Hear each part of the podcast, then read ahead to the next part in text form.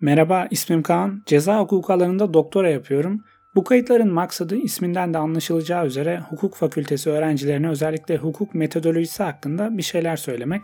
Ama ekşi sözlükte tez yazım üzerine yazdığım şeylerden sonra bu konu üzerine bolca temel düzeyde soru geldi.